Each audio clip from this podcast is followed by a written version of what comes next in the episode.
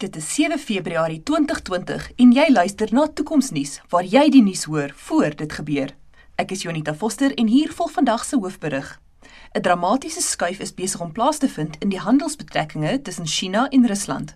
Die lande begin al hoe minder dollars gebruik vir internasionale handel en gebruik nou 'n weergawe van kriptogeldeenhede om hul handel te fasiliteer. Hierdie kriptogeldeenhede is aan goudvoorrade gekoppel wat dit baie meer betroubare waarde gee as tradisionele kriptogeldeenhede. China en Rusland het hul dollarreserwes dramaties verminder in die laaste paar jaar en hul reserwes met goudaankope aangevul. Dit het nou die basis geword van die idee om die kriptogeldeenhede aan goud te koppel. Pieter Geldenhuys is saam met my in die ateljee om te verduidelik hoekom hierdie skuif plaasgevind het. Welkom Pieter. Hallo Junita. Pieter, wat is die groot rede agter die skuif van op die dollar as internasionale geldeenheid na die kriptogeldeenheid? Unita, ek dink kom ons kyk eers na die geskiedenis van die dollar en wat het dit 'n internasionale geldeenheid gemaak. Ons sien dat in die vroeë deel van die 20ste eeu was die pond die internasionale geldeenheid. Maar met die uitbreek van die Tweede Wêreldoorlog was Brittanje se se internasionale stand is baie agteruitgestel as gevolg van die skuld van die oorlog En wat baie interessant is, met die Potsdam konferensie het Roosevelt een ander persoon gaan besoek nadat hy en Stalin en Churchill bymekaar gekom het. En dit was die koning van Saudi-Arabië. En daar het hulle ooreenkoms gehad dat van nou af Saudi-Arabië net in dollars hulle olie sal verkoop en dat in ruil daarvoor Amerika militêre hulp gaan gee aan Saudi-Arabië om om, te, om die land te beskerm. So wat baie interessant was is dat omdat ons in 'n olie era inbeweeg het, het dit beteken dat as jy enige internasionale handel wou doen, jy dit jy dollars moet hê om om dit reg te kry. Die basis van van dollar wat natuurlik olie moet aankoop, het wel weliswaar die basis geword van alle internasionale handel wat in dollar plaasvind. As ek byvoorbeeld in die Midde-Ooste gaan werk, dan moet ek 'n Amerikaanse geldeenheid koop en dit terugbring hiernatoe om dit om te skakel in rand. Baie interessant en dit het die dollar dus die reserve geldeenheid van die wêreld gemaak. Omdat ons na China kyk en dit 'n baie groter politieke mag word en Rusland veral kyk hulle na ander metodieke om weg te beweeg van die dollar af. En een van die groot redes is die groot vraagstuk agter die skuldvlakke in Amerika. Ons sit in 2018 was die skuldvlakke in Amerika 23 trilljoen dollar. En as 'n mens kyk na persoonlike en regering en maatskappyskuld, was dit nog hoër. En daarom was daar 'n groot vraagstuk rakende die langtermyn volhoubaarheid van die dollar as internasionale geldeenheid en dit is hoekom hulle wegbeweeg na ander tipe oplossings. En dis hoekom ons nou kyk na kriptogeldeenhede wat op goud gebaseer is. In hoe mate beheer die FSA nog steeds die internasionale handelomgewing? Hulle het 'n dramatiese impak. Onthou hulle beheer ook SWIFT wat seker maak dat die hele wêreld se banke op hierdie stelsel gekoppel is. En die oomblik as wat een van hierdie banke van die stelsel afge afgehaal word, kan hy eenvoudig nie meer toegang kry tot enige ander fondse nie.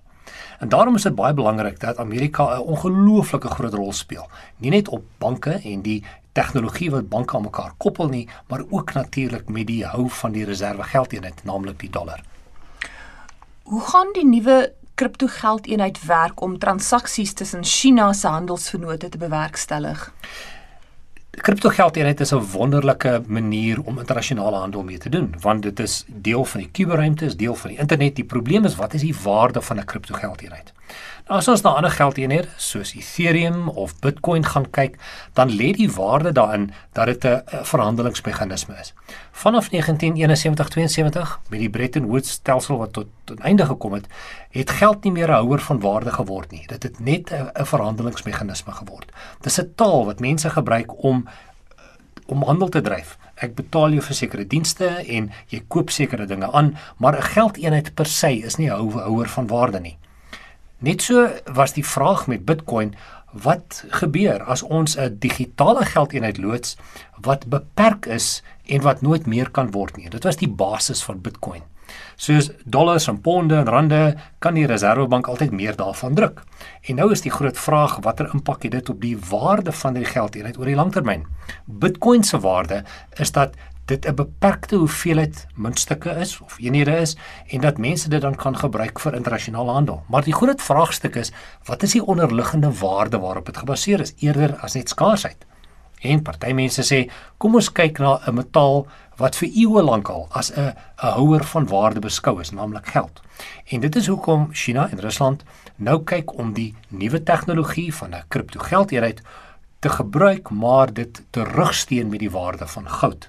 En omdat dit dan 'n tasbare rigsteen van waarde is, kan dit dan die verhandeling tussen lande makliker maak omdat eerstens nou is daar vertroue in die geldeenheid omdat dit 'n basis van waarde het en tweedens is dit op die internet en daarom is dit baie maklik om te verhandel. Daarom is die verhandelingskoste weglaatbaar klein. En dis die twee hoofredes hoekom China en Rusland kyk na 'n alternatiewe manier om weg te beweeg van die dollar as internasionale geldeenheid. So Pieter, wanneer voorsien jy dat hierdie nuwe kriptogeldeenheid 'n groot impak gaan hê op die dollar as internasionale handelseenheid?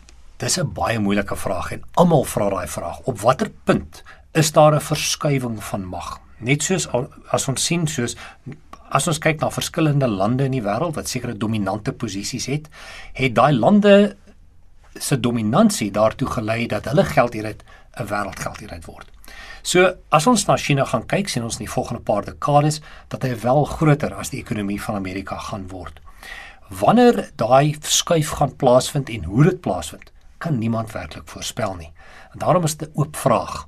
Al wat ons sien is is daar 'n is daar 'n stadige beweging is van die wêreld wat stadig maar seker weg beweeg van die dollar as internasionale geldeenheid. Dankie Pieter.